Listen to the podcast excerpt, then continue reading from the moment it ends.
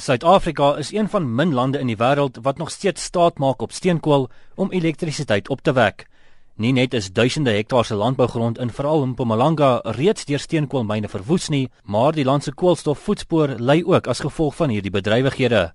'n Steenkoolspesialis by Greenpeace Africa, Melita Steele, sê Eskom gebruik steenkool om 93% van die land se krag op te wek, wat die algehele koolstofvoetspoor drasties verhoog. ESCOM emitted 230 million tons of carbon dioxide in 2011. But to try and put that into context, in 2011, ESCOM contributed 62.3% of South Africa's emissions, which means that ESCOM emitted more carbon dioxide in 2011 than Sweden, Norway, Finland, Switzerland, and Denmark all combined. Die vraag is as BHP Billiton reeds 9% van die land se krag gebruik, beteken dit hulle is indirek verantwoordelik vir 9% van die land se koolstofvoetspoor. If Eskom's emitting 230 million tons of carbon dioxide, then that's approximately 20 million tons of carbon dioxide being produced to provide the smelters with electricity.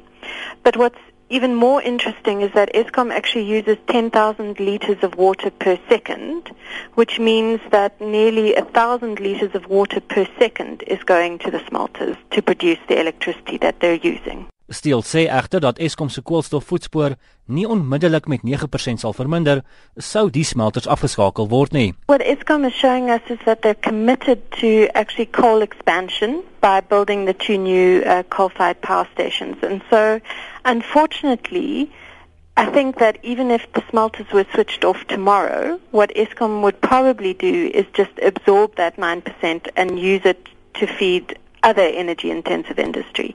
So as much as the smelters are a problem, the energy intensity of industry as a whole in South Africa is a problem. Steel sê die direkte gevolg van Eskom se steenkoolgebruik gaan in die toekoms gesien word in die vorm van drastiese klimaatsverandering in Suid-Afrika. We're looking at things like um water scarcity.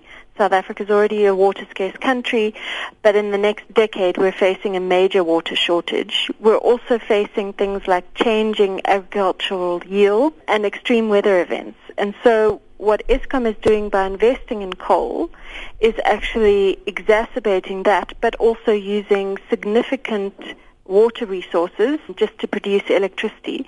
And then the air pollution has a number of hidden costs.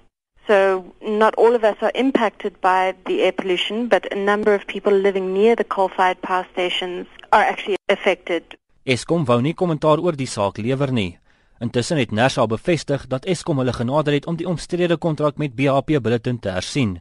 'n Woordvoerder van Nersa, Charles Lebela, Eskom has requested the energy regulator to review the contract, and in that regard, a public hearing will be held towards the end of April to look at uh, the um, the contract. For now, we, we cannot speculate on the outcome of the review. We are not in a position yet, you know, to see what the energy regulator can do or cannot do with regard to the contract. Dit was Charles 'n woordvoerder van Nersa. Is Justin Kennerly in Johannesburg.